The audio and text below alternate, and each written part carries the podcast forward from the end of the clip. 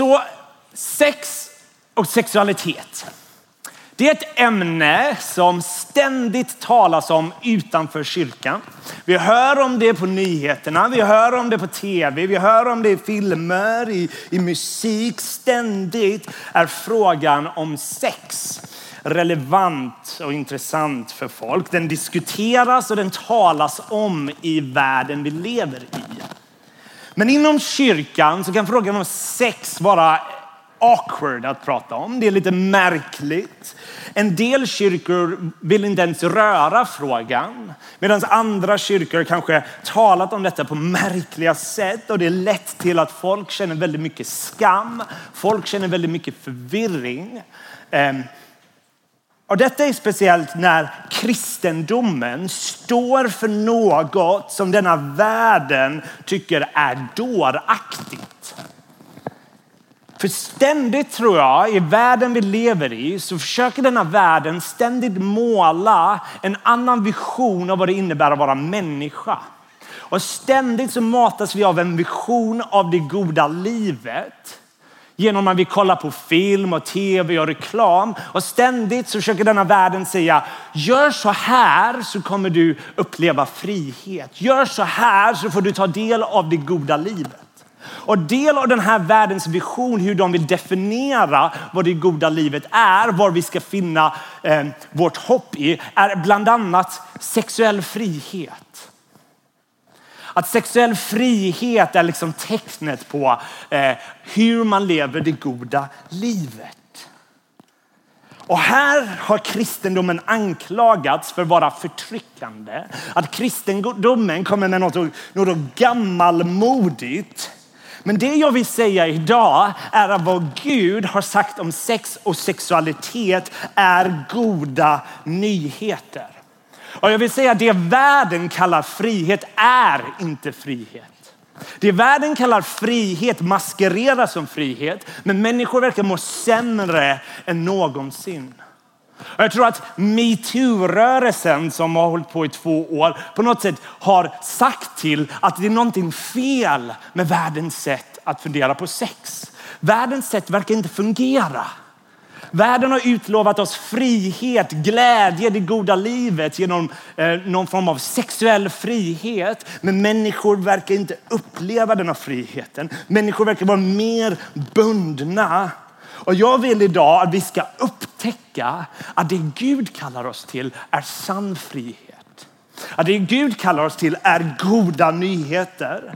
Och att Gud kallar oss till att inte bara tjäna honom med våra läppar och vad vi bekänner, men med hela våra kropp. Att det finns ett sätt att vara i denna världen där vi kan vittna om Gud med våra läppar, men även hur vi använder vår kropp. Och jag vill också att vi ska känna att det är värt att följa Jesus i dessa frågor. Det må inte vara enkelt alltid, för världen försöker ständigt få oss på en annan väg och våra begär vill åt ett annat håll. Men jag vill att vi ska upptäcka att det Bibeln kallar oss till är för vårt bästa och han är att lita på Gud. För han är god. Han är god, han är trofast och vi måste minnas det när vi kommer in i den här frågan om sex och sexualitet. Att allt han säger är gott och för vårt bästa. Så frågan om sexualitet, det är så högst personligt för varenda människa som vandrar på jorden. Och vi här inne har olika typer av erfarenheter när det kommer till denna fråga. En del av er kanske har varit med om att kyrkan har behandlat er på ett ovärdigt sätt på grund av något ni har gjort eller inte gjort. Och vi kommer kanske hit idag med sår. Vi kommer kanske hit med prestation och skam och min bön är att Gud ska befria dig idag från det där, men också leda dig in i seger och frihet. Så, det här är nog den fråga som kristendomen har eh, kritiserats mest för. Kristna uppfattas som bizarra, märkliga. Och jag vill säga att detta är inget nytt. Ända sedan kyrkans begynnelse för 2000 år sedan så har kyrkan alltid uppfattats som märklig, konstig, ute och cyklar. Inklusive dess syn på sexualitet. När kristendomen kom upp vid, under romarriket så uppfattades kristna som dåraktiga. Att de tror på konstiga saker. Och jag vill säga att det kristna säger om sex är knappast det konstigaste vi tror på. Vi tror på att en snickare från Israel avrättades som en förrädare i romarriket och han säger vi är universums skapare, herrarnas herre, kungarnas kung och han ska komma tillbaka på en häst. Vi är kallade till att tro på konstiga saker. Men dessa konstiga saker, de sakerna som först uppfattar dåraktiga, visar sig vara de mest livgivande sanningar man kan finna. Jag tror att samma gäller med frågan om sex. Så min sorg idag är ibland att kyrkan verkar inte längre tro att det Bibeln säger är goda nyheter för denna världen. Men jag vill vara stolt över vad Gud har förklarat vackert. Och jag vill att vi ska få en förnyad glädje. För jag är övertygad om att kristendomens vision för sexualitet och vem han säger att vi är, är goda nyheter och är för den här världens skull. Och det är därför vi måste insistera på vad Bibeln säger. För jag tror det här är för den här världens skull som, som desperat behöver hjälp när det kommer till dessa frågor. Men ibland har kyrkan lyckats ge en felaktig bild tror jag. Det är inte, alltså en, en, de har betonat fel saker. Ibland har kyrkan varit bättre på att säga vad Bibeln säger nej till på bekostnad av vad den säger ja till. Så allt är bara negativt. Du ska inte. Och jag tror vi ofta missat att hela Bibeln broderar ut en vision som, som är vacker. Och jag tror att dessa regler, alla de här grejerna Bibeln säger du ska inte, kommer bli mer begripbara när vi inser att den är en del av en berättelse. Och att Gud bjuder in oss att berätta denna berättelse med våra liv och med våra kroppar. Så ibland så kan kyrkan anklagas för att för att ge bilden av att sex är någonting smutsigt, någonting negativt och någonting syndigt. Och det förstås har inget med Bibeln att göra. I första kapitlet i Bibeln så skapar Gud himmel och jord och han skapar människan och han säger det här är gott och det här är mycket gott, det här är vackert. Och efter Gud har sagt, eller precis innan Gud säger det här är mycket gott, det här är vackert, så har Gud sagt till människan, gå ut och föröka er och uppfyll jorden. Alltså sex är tänkt att vara del av vad Gud kallar människan till. Det är del av Guds design och plan för denna jord ska få blomstra. Den ska uppfyllas med liv. Gud är en skapare och han bjuder in oss att få skapa på ett annorlunda sätt. Så i Bibelns berättelse innan syndafallet så är sex bara någonting vackert, bara någonting positivt, har inget smutsigt med det, har inget med något negativt att göra med det. Um, där beskrivs sex och sexualitet som en gåva ifrån Gud som man kan använda på ett sätt som ger Gud ära. Sex och sexualitet är så sett Guds uppfinning och en gåva till mänskligheten. Och därför kanske folk har undrat, vad har Jesus med vår sexliv att göra? Är inte det lite privat? Men i Bibeln så bjuder Gud in oss att följa honom med hela oss. Att Jesus är herre över alla delar av våra liv. Och att det finns inga tryggare händer att underordna sig för än Jesus Kristus. En annan grej kristendomen har anklagats för är att den är antikroppen. Att kropp skulle vara någonting smutsigt och äckligt. Återigen, lögn. Vi tror på kroppens uppståndelse. Vi tror att Gud skapade kroppen. Vi tror till och med att Gud så älskar kroppen så han själv klädde sig i en kropp för 2000 år sedan. Jag skulle säga att det är denna världen som föraktar kroppar. Vi håller upp nästan onaturliga ideal som alla ska försöka träna och leva upp till istället för att älska vanliga, normala kroppar som Gud har skapat. För vi tänker ibland att kroppar och andlighet är två olika saker. Men det har inget med Bibeln att göra. För kroppen är någonting djupt andligt. Det är där Gud tar sin boning för dem som tror på honom. Och i första Korinthierbrevet 6, efter Paulus har talat om sex, så säger han kroppen tillhör Herren. Vad han försöker säga är att det finns ett sätt att vara i denna världen där vi kan använda vår kropp, vår sexualitet på ett sätt som ger han ära. Som kan vara till hans behag. För jag tror att Gud har skapat oss för att kunna berätta en berättelse med vår kropp. Jag tror Gud har kallat oss till att använda vår sexualitet på ett sätt som ger han ära. För Gud har skapat vår kropp, Gud har skapat sex och sexualitet med ett syfte.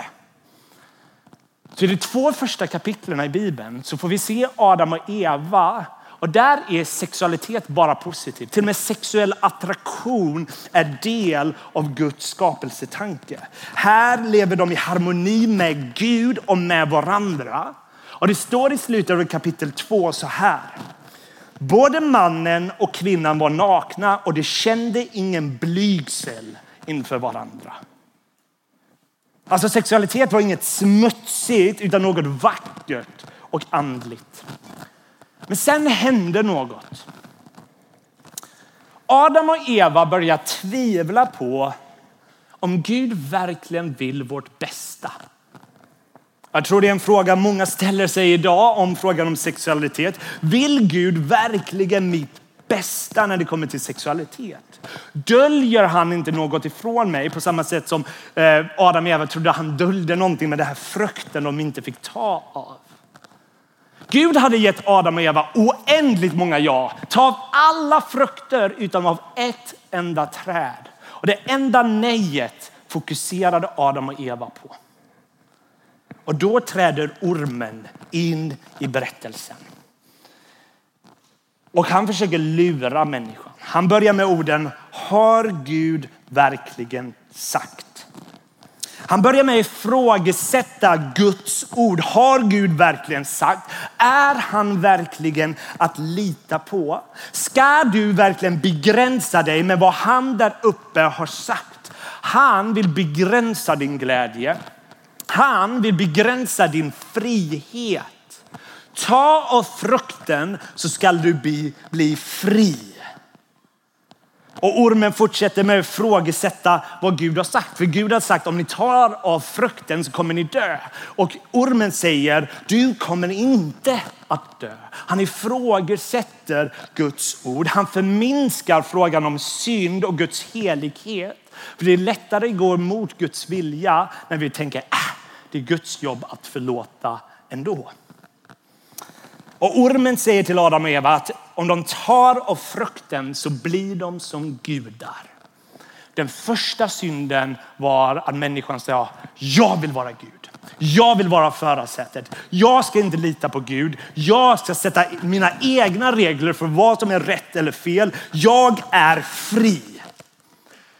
Men det är där synden träder in i bilden.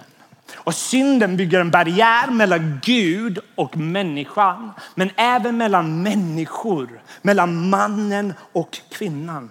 Och plötsligt så är inte sexualitet alltid kopplat till någonting vackert. Plötsligt så beskrivs det hur de skäms. Och så de gör patetiska försök att dölja sin nakenhet med fikonlöv. Och det Bibeln säger är att på grund av detta så har synden drabbat varenda människa och det har påverkat vår sexualitet.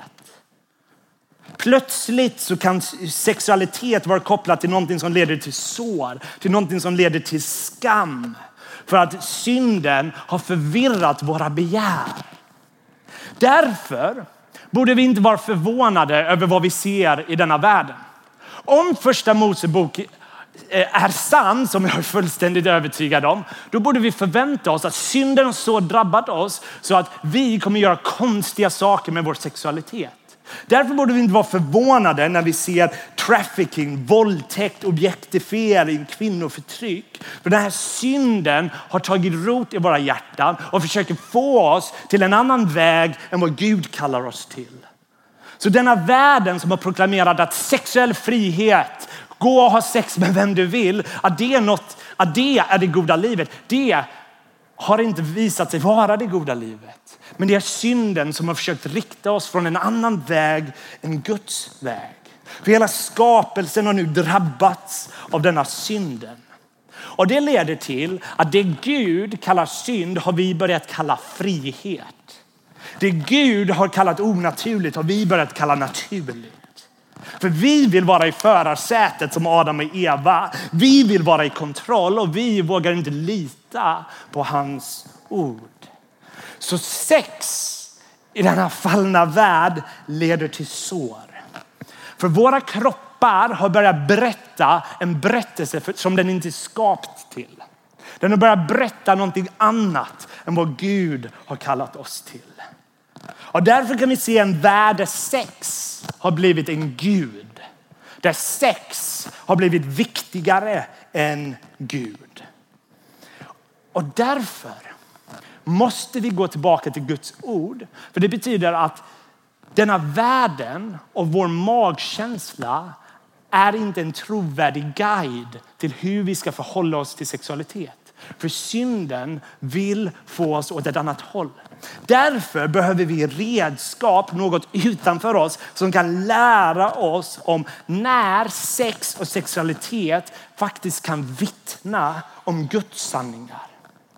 Och jag tror att kyrkan har en speciell möjlighet. I ljuset av metoo, när man har pratat om många övergrepp, så tror jag att vi i kyrkan kan komma med en profetisk röst som säger det här världens sätt fungerar inte. Vi behöver hjälp. Och de goda nyheterna är att en människa för 2000 år sedan har kommit för att hjälpa oss. En människa har kommit mitt i mörkret för att återupprätta och förlåta oss och rykta om oss. Jesus Kristus är den här världens hopp. Jesus Kristus är den, den människan som är alla människor som är sexuellt brustna. Det är endast Jesus som kan rädda oss. För Jesus kom för att friköpa den trasiga versionen av dig. Den sexuellt bröstna versionen av dig. Och han har kommit för att bjuda in oss att vandra i seger. Han har kommit för att ge oss den heliga ande som kan bryta med alla kedjor som försöker hålla oss fånga. Och han är mitt ibland oss idag. Så jag är övertygad om att det finns två olika sätt att vara lärjunge till Jesus. Och, eh, och, två olika sätt att vara lärjunge till Jesus med eh, vår, liksom, hur vi ska rikta om vår sexualitet. Det finns två sätt att följa Jesus med vår sexualitet. Det ena är äktenskap och det andra är avhållsamhet. Och innan jag börjar prata om äktenskap så vill jag säga någonting väldigt viktigt. Jag kommer tala om att jag är övertygad om att Bibeln och vad som är rätt är att sex är enbart tänkt att vara inom äktenskapet. Och jag är fullt medveten om att det är nog många människor i det här rummet som har andra erfarenheter och gjort andra beslut.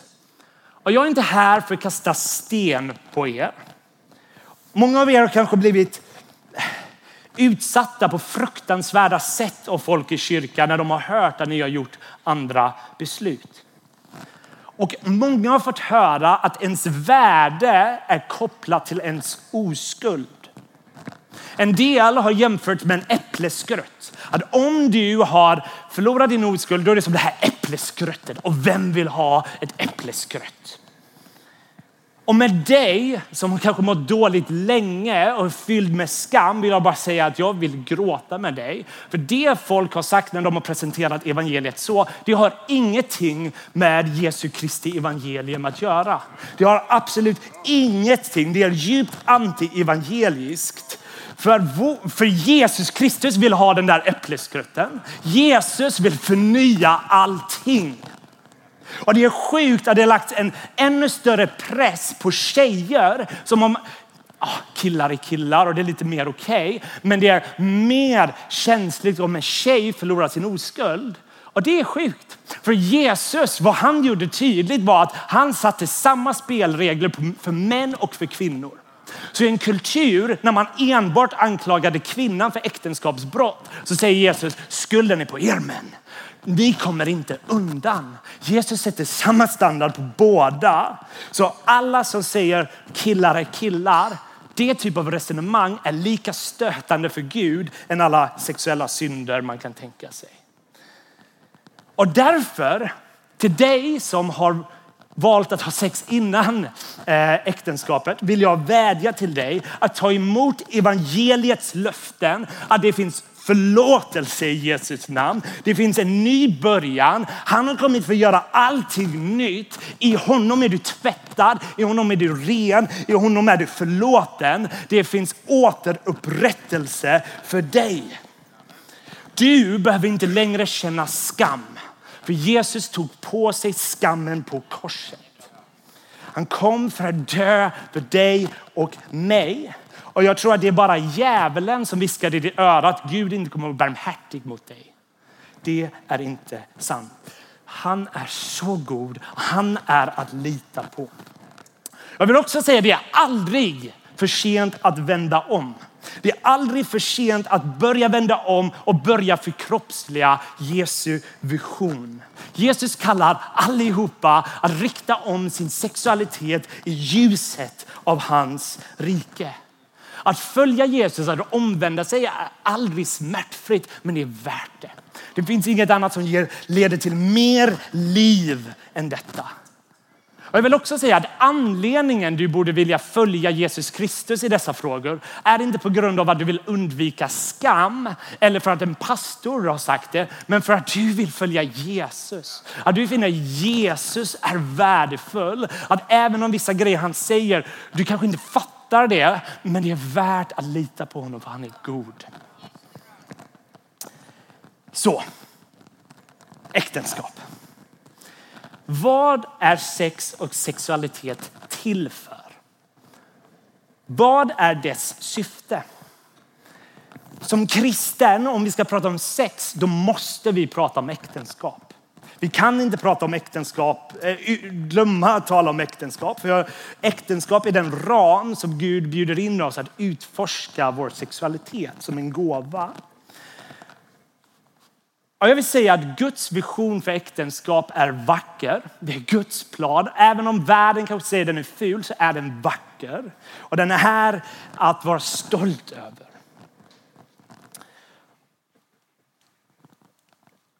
Och jag vill gå tillbaka till skapelseberättelsen. För varje gång Jesus talar om sex eller äktenskap, då citerar han alltid skapelseberättelsen. Hur det var tänkt att vara innan synden kom in. För Jesus vill bjuda in oss att återupptäcka hur sexualitet var i Edens trädgård. Därför är det viktigt att vi funderar lite. Vad säger denna berättelsen om äktenskap? För jag tror att vi ibland köper en modern bild av vad äktenskap är. Där äktenskap handlar först och främst om den här tvåsamma lyckan. Och jag tror att det finns lycka och glädje i äktenskapet. Men tänk om sex och äktenskap är tänkt att först peka och handla om Gud. Jag tror att äktenskap är tänkt att vara gudscentrerat. Jag tror äktenskap handlar mer om att börja följa Jesus tillsammans och börja tillsammans tjäna honom. Jag tror det finns ett sätt att använda sin sexuella kapacitet på ett sätt som är till Guds ära. Så jag tror äktenskap är tänkt att det är ett sätt vi kan vittna om Gud med våra kroppar. Och då vill jag bara göra några poänger som står i skapelseberättelsen. Eh, en av grejerna som det står om i första Mosebok är att Gud har gett människan ett uppdrag. Och uppdraget är att uppfylla jorden och sprida hans härlighet. Och ett syfte med sexualitet är att mannen och kvinnan är så designade för varandra och att dess sexuella kapacitet är så stark så att det kan till och med bokstavligen leda till liv. Sex kan leda till liv, alltså till barn. Del av uppgiften människan verkar få är att sprida, utforska, låta en ny generation få lära känna Gud. Och nu vet jag att det finns många människor som brottas med barnlöshet. Och om man inte får barn så har man verkligen inte misslyckats. För ens värde och trofasthet till Kristus handlar inte om det. Syftet med äktenskap är inte primärt att få barn, utan det är att tjäna Gud tillsammans. Men ett kall som finns för ett kristet äktenskap är att det kan leda till barn. Det kan leda till familj. Och för Gud är, är en sån Gud som älskar att skapa liv. Så han bjuder in oss att också skapa liv. Så Gud bjuder in människan att få börja bjuda in världen att få upptäcka en ny generation som kan få denna världen att blomstra. Att fler ska få lära känna Jesus. Och sen så tror jag Gud försöker ge oss vissa ramar när det kommer till äktenskapet. Så här står det i första Mosebok kapitel 2, vers 23 och framåt. Det är mannen Adam som ser Eva för första gången och han säger äntligen. Hon är ben av mina ben och kött av mitt kött. Hon ska heta kvinna, för av man är hon tagen. Därför ska en man lämna sin far och sin mor och hålla sig till sin hustru och det ska bli ett kött. Vad som händer här är att mannen och kvinnan är tänkta att vara både lika och olika. Det är tänkt att komplettera varandra. Att deras kropp kroppar, till och med rent fysiskt, är designade för varandra så de kan rent fysiskt och andligt bli ett kött. Och det intressanta här, det här uttrycket ben av mina ben, kött av mitt kött, är att det verkar finnas eh, en lite djupare betydelse än vad man först kanske märker. För när man upptäcker att detta är faktiskt uttryck som används flera gånger i Gamla Testamentet. Och det tycks vara att man svär en ed. Där kött ofta betyder svaghet och ben betyder styrka.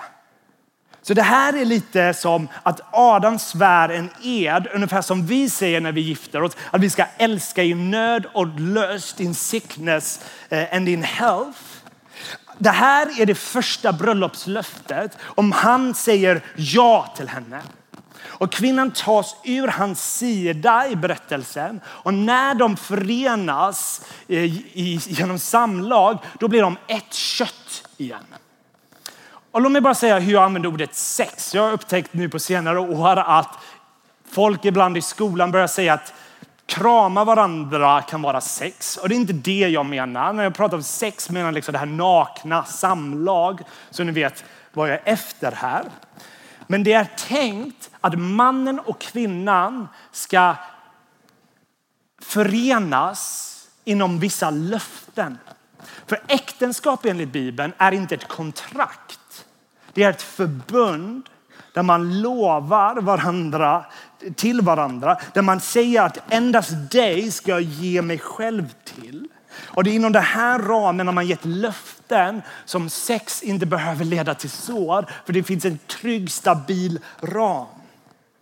Ungefär som att dopet är ett yttre tecken på vad som har hänt inom mig. Att jag har dött med Kristus och uppstått med honom. Så är sex ett yttre tecken på vad Gud har gjort rent andligt mellan mannen och kvinnan. De har blivit ett. Och då är samlag ett tecken som försöker vittna om detta. Och därför tror jag att sex utanför äktenskap vittnar om något som inte är sant. Om sex inom äktenskap vittnar de här har förenats andligt ett så tror jag att sex utanför äktenskapet inte vittnar om någonting som faktiskt inte är sant. För sex är tänkt att vara en gåva där man ger sig själv till en annan person. och där man vill hålla fast vid denna personen. Så det beskrivs i texten vi läste innan att mannen lämnar, eh, eh, eller mannen gifter sig med hustrun och ska hålla fast vid henne. Och det är egentligen en sann vision av vad kärlek är. För jag tror att vi ibland har köpt en Hollywood-version av vad kärlek är. Där kärlek är, jag vill ha dig och jag kan inte leva utan dig. Det kanske låter romantiskt men det är väldigt egoistiskt. Det är fokus på mig. Jag kan inte leva ut dig, leva utan dig. Medan jag tror att sann kärlek är självuppoffrande. Jag älskar dig och därför vill jag se dig, att det går väl för dig, att du ska blomstra. Det är självuppoffrande kärlek och det är den Bibeln bjuder in oss till om och om och om igen. Och i en text, den kommer inte på skärmarna här, men i första Korintierbrevet 7 så skriver Paulus så här. Hustrun bestämmer inte själv över sin kropp, det gör mannen. Likaså bestämmer inte mannen över sin kropp, det gör hustrun. Alltså vad Paulus försöker säga är att äktenskap och sexualitet är tänkt att vara någon form av ömsesidig underordnande där, där, där vårt samhälle säger att kärlek är liksom kolla till liksom dina känslor och lev ut vad dina känslor alltid säger. Men det är ett väldigt farligt sätt att leva. För det är väldigt många män som har lämnat sin hustru och sin familj för de har sagt att jag måste följa mitt hjärta. Mitt hjärta är med min sekreterare nu. Det är så denna världen säger att vi ska identifiera oss. Men våra känslor är alldeles för instabila. Känslor är någonting vackert, känslor är någonting bra i relationer, men det är en alldeles för svag och instabil grund att bygga ett äktenskap med. Och därför så vill vi följa Jesus spår som tack och lov inte bara en dag säger nej, mitt hjärta var på något annat plats. Utan han valde att älska sin brud kyrkan och ge sitt liv för den även när hans brud gör revolt mot honom. Så detta jag säger kanske låter väldigt så här traditionellt och utdaterat. Men jag tror att om vi anammar vad Bibeln säger här så hade det revolutionerat vår värld. För en av de största problemen i dagens samhälle när det kommer till sex är frågan om samtycke. Det var hela metoo-rörelsen handlar om. Som jag tycker är en briljant rörelse. Och jag har läst om kvinnor som beskriver sin erfarenhet med sex med olika män där de har varit osäkra om de sa ja eller nej. För sex utan de här löftena kommer vara oklart om det till och med är våldtäkt eller inte. Men jag vill säga att kristendomen är så för samtycke. Den är så mycket mer för samtycke än denna världen. Så vi ser till att vi ger varandra löften framför en pastor eller präst och hela vår släkt. Och jag säger ja, jag ska vara trogen till dig. Jag ska ge mig exklusivt till dig. Jag har gjort löften framför er och mitt ord ska jag se till att hålla. Därför är kristendomen djupt för samtycke på ett sätt jag inte tror denna världen är. Och jag tror att kristendomens vision för äktenskap beskyddar kvinnor, även om denna världen försöker ge en annan bild.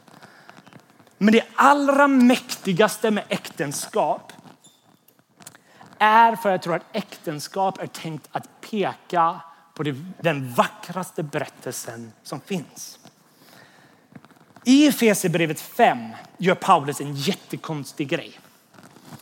Han citerar första Mosebok 2 och sen lägger han till en kommentar. Lyssna här. Först citerar han första Mosebok 2. Därför skall en man lämna sin far och sin mor och hålla sig till sin hustru och de två skall bli ett.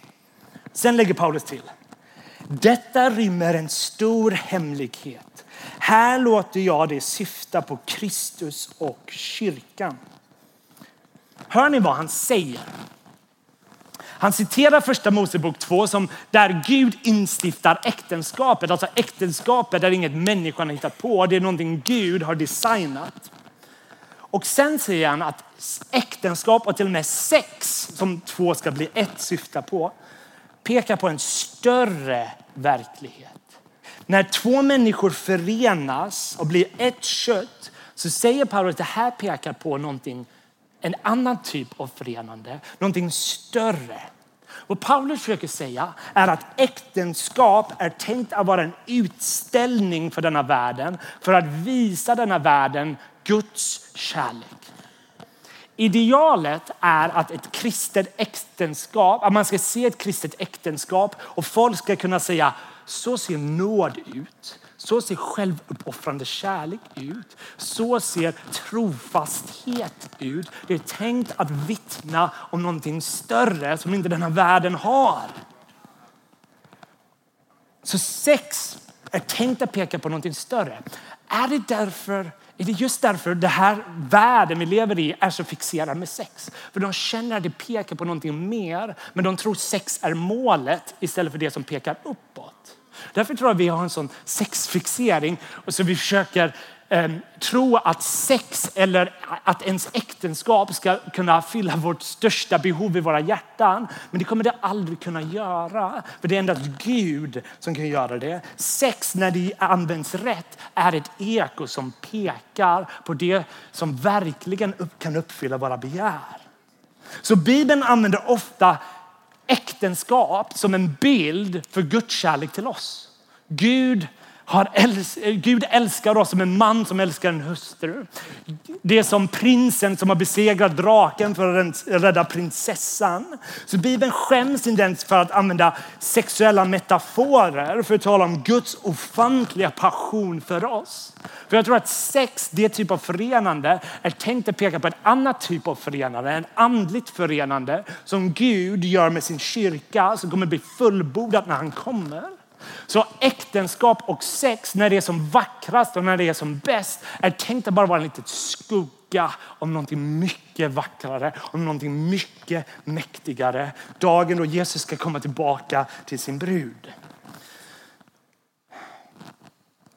Och återigen, därför tror jag liksom eh, sex innan äktenskapet är problematiskt. För man ger sig själv utanför det här förbundet och dessa löften. Och där kommer sex vara framförallt någonting egoistiskt. Det är snarare att jag vill tillfredsställas. För om jag verkligen älskar den andra personen och vill sätta den personen först, då borde jag vara redo att kunna ge de här löftena. Och anledningen att inte ge de här löftena är för att jag vill ha liksom en bakdörr och fly. Och därför tror jag att det är viktigt att ta den här visionen på allvar. Att det som verkligen kan vittna om Guds kärlek och hans trofasthet är äktenskap. Det är där jag tror vi kan rikta om våra begär så de är rätt riktade. Och detta tror jag är viktigt att vi funderar på när man kanske ställer sig frågan, vem ska jag dela mitt liv med? Och då vill jag att ni ska fundera på, är personen jag funderar på att dela mitt liv med, är det här en person som vill tjäna Gud med mig? Om äktenskap handlar först och främst om att tjäna Gud, då tror jag att ett riktigt äktenskap, ett äktenskap som kan säga till sin partner, jag älskar Gud mer än dig och därför kan jag älska dig på ett bättre sätt. Jag tror det är riktig kärlek. För annars kommer din partner bli en avgud och du kommer lägga en sån tyngd att den här personen ska leva upp till alla dina förväntningar och det kommer den personen aldrig kunna göra. Men om ni tillsammans vill söka Gud först, då tror jag det förändrar allt. Jag tror det hade hjälpt väldigt många äktenskap. För att det viktigaste vi kan göra är att söka Gud först. Och han kommer ge allt vi behöver. Sök Gud före äktenskap, före partner, före karriär. Och han kommer ge allt du behöver. Han kommer göra massa oväntade saker. Men sök honom först. Men låt dig inte luras av att sex är inget Jesus är herre över. Att följa Jesus innebär att börja lita på honom med de mest intima delar av våra liv. Och jag tror att det finns inget bättre vi kan göra. Han är att lita på i alla omständigheter. Jag vill också prata lite kort här om livet som singel eller livet i avhållsamhet. Och det här kommer vara relevant för den som inte är gift men kommer gifta sig. Men även den som väljer att leva i avhållsamhet i hela sitt liv. Jag tror det här är viktigt att vi talar om i kyrkan. För jag tror att livet i avhållsamhet eh, som singel är en mäktig kallelse. För jag tänker att många tänker att avhållsamhet är bara frånvaron av sex. Det är någonting negativt. Medan jag tror det är ett kall till någonting. Jag tror det är ett ja till något. Jag tror det är ett mäktigt sätt att vara lärjunge till Jesus som kan vittna om saker den här världen kommer förundras över. För en av anledningarna Eh, jag tror vi har svårt att köpa eh, att avhållsamhet är ett seriöst alternativ. Jag tror att till och med kyrkan och denna världen har gjort äktenskap och sex ibland som en avgud.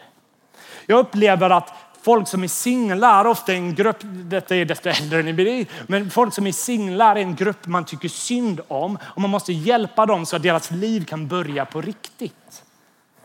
Om man ger bilden att man mister livet om man inte hittar sin partner. För om vi säger att det kräver att vara sexuellt aktiv för att leva livet på riktigt, då säger vi att vår egen Herre Jesus Kristus miste livet. Han hade aldrig sex. Han hade aldrig en romantisk relation. Han var aldrig del av spänningen som finns i romantiken som är mellan två människor. Men trots det levde han det rikaste liv en människa någonsin levt på denna jord. Jag vet att livet som singel kan vara tufft. Det är inte utan livets utmaningar. Och men jag tror det finns stora eh, eh, välsignelser. Jag tror det finns en flexibilitet som inte finns när man är gift. Och därför vill jag bara säga till dig som är singel och kanske brottas med det här att statusen singel är ingen förbannelse. Paulus kallar det faktiskt en gåva. Det är faktiskt en gåva för det är ett sätt att kunna vara eh, trogen till Jesus och vittna med sin kropp om någonting om Gud också. Det gäller inte bara de som är i äktenskap som kan vittna om Gud med sin kropp, utan den som lever i avhållsamhet lever inte ett halvt liv, den lever ett helt liv. Men jag tror det är väldigt viktigt att vi tar frågan om vänskap på riktigt då. För jag tror den stora rädslan för att leva singel är att man ska bli ensam. Och vi har gjort äktenskap till det här väldigt så här privata, det är bara vi två. Medan alltså, jag tror att äktenskap är till för den här världens skull egentligen. Och att jag tror att vi måste börja fundera mer på vänskap, andliga, spirituella vänskaper. För att en människa kan leva utan sex hela sitt liv, men man kan inte leva utan att vara älskad. Och därför tror jag att man kan ha intima, vackra relationer utan att det är någon fysisk intimitet. Och därför tror jag att vi måste se det här tanken om livet som singel och i avhållsamhet som någonting som faktiskt är vackert, som kan faktiskt peka på någonting mer. För jag tror att livet i avhållsamhet så kan vi berätta en berättelse med vår kropp. Jag tror vi kan konfrontera denna världen som säger att sex är sättet att leva det goda livet. Det är det människan behöver för att ta del av det goda livet. Men när vi väljer att leva i avhållsamhet säger vi nej, det finns någonting mer. Det är Gud som är verkligen det som kan fylla mina djupaste begär. Jag tror också det kan ge en flexibilitet där man kan ha nära intima relationer som är svårare när man är i ett äktenskap. Jag tror att avhållsamhet är en motstånd mot denna världen och det visar att inget i denna världen kan tillfredsställa mig, men han där uppe kan. Därför tror jag att äktenskap och avhållsamhet är två olika sätt vi kan rikta vår sexualitet med. Jag tror det är två olika sätt som kan vittna om Gud, vem han är, på vackra sätt. Att när världen säger att sexuell frihet är sättet att ta del av det goda livet så kan vi konfrontera denna världen och säga nej. Att du kommer aldrig finna den frihet som världen talar om om du följer det vägen. Utan tänk om frihet inte handlar så mycket om att man säger låt min vilja ske. Tänk om frihet handlar mer om att säga låt din vilja ske. Tänk om frihet paradoxalt nog sker när man underordnar sig Jesus. Tänk om det är där man upptäcker riktig frihet. Världen tror att frihet handlar om att kunna välja allt man vill. Att ingen ska begränsa min valmöjlighet. Men man verkar bli slav till alla valmöjligheter. Men tänk om friheten finns endast i Kristus. Den sonen gör fri, den blir verkligen fri. Och därför vill jag avrunda och säga att Jesus är att lita på. Att när vi kommer till frågan om sexualitet, glöm inte att han är god. Han är god. Han är att lita på i alla omständigheter. Även när vi inte förstår hans bud så är hans bud att lita på. Lita på honom mer än på ditt eget förstånd. Då är du klok. För allt han gör är gott och allt han kallar oss till är för vårt bästa. Så min vädjan till dig är att du ska följa Jesus med allt du har.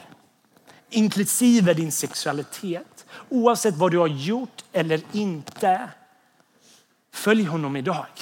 Han är att lita på. Och att det finns liv i Guds vision för sexualitet. Vi har begär som vill åt olika håll. Vi har begär som vill trotsa Guds vision. Men kom till honom med dina förvirrade begär och han de, han har de tryggaste händer du kan hamna i. Han har bara kärleksfulla ögon. Du kanske tror att du lever med för mycket skam så du vågar inte anförtro hans ögon att han kan titta på dig. Men låt han istället klä av dig din skam och klä dig i en ny människa. Hans befallningar är alltid goda. Så här säger den tyska teologen Dietrich Bonhoeffer som dog som en martyr i Nazityskland för han satte sig emot Nazityskland. Han säger så här.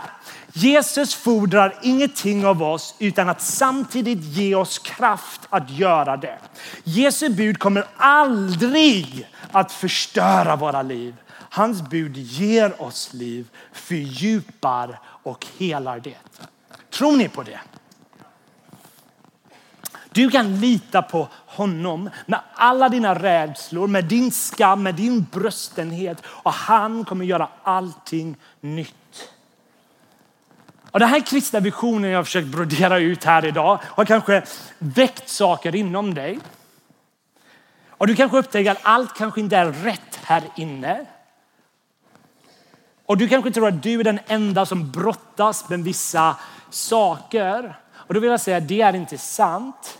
Det är många som brottas med samma saker oavsett vad du brottas med. Och därför tror jag det är så nödvändigt att du är del av en kristen gemenskap där det finns familj som är kallade till att bära dina bördor. För du är inte tänkt att bära dina bröder, bröder, bördor och dina frestelser och dina svårigheter. Du behöver bröder och systrar som kan be för dig, som kan lyfta upp dig och supporta dig och hjälpa dig att lita på honom. För det bästa vi kan göra är släppa vår självständighet, släppa vår självständighet och låta Jesus ta över kontrollen. Som Paulus skriver i andra Timoteusbrevet. Är vi trolösa förblir han trofast. För han kan inte förneka sig själv. Du är inte din sexuella historia, den definierar inte dig. Och du är inte din sexuella trauman om du har varit med om fruktansvärda saker. Ditt värde är inte där. Du är skapt av den allsmäktige guden som älskar dig. Och han vill ge oss sin ande så du kan vandra i seger. Så även om Bibeln och Guds ord kan konfrontera oss och visa att vi kanske är misslyckade älskare och vi är fördärvade av synden i den här hypersexuella kulturen, då kan vi minnas den perfekta älskaren Jesus Kristus. Vi kanske agerar efter vårt eget bästa. Eh, vi kanske är egoistiska när det kommer till vår sexualitet. Men Jesus ödmjukade sig, blev en av oss och lät sig dö på ett blodigt kors. Han hängde på korset som om han var äktenskapsbrytaren. Han hängde på korset som om han hade kollat på pornografi. Han hängde på korset för alla typer av sexuella synder. Och han gjorde det för att du och jag ska få liv. Och han gjorde det utan att någonsin synda. Och det här gjorde han för att återupprätta den mest bröstna människan. Han köpte den trasiga versionen av dig, inte den uppstädade kristna versionen. Han köpte den trasiga, men med hans händer kan han göra allting nytt. För i hans ande finns det kraft, det finns makt och han kan klä dig med helighet. För där finner vi kärlek som inte sviker, som inte överger. Där upptäcker vi kärlek som är självuppoffrande. För i Jesus finns inte ett själviskt ben.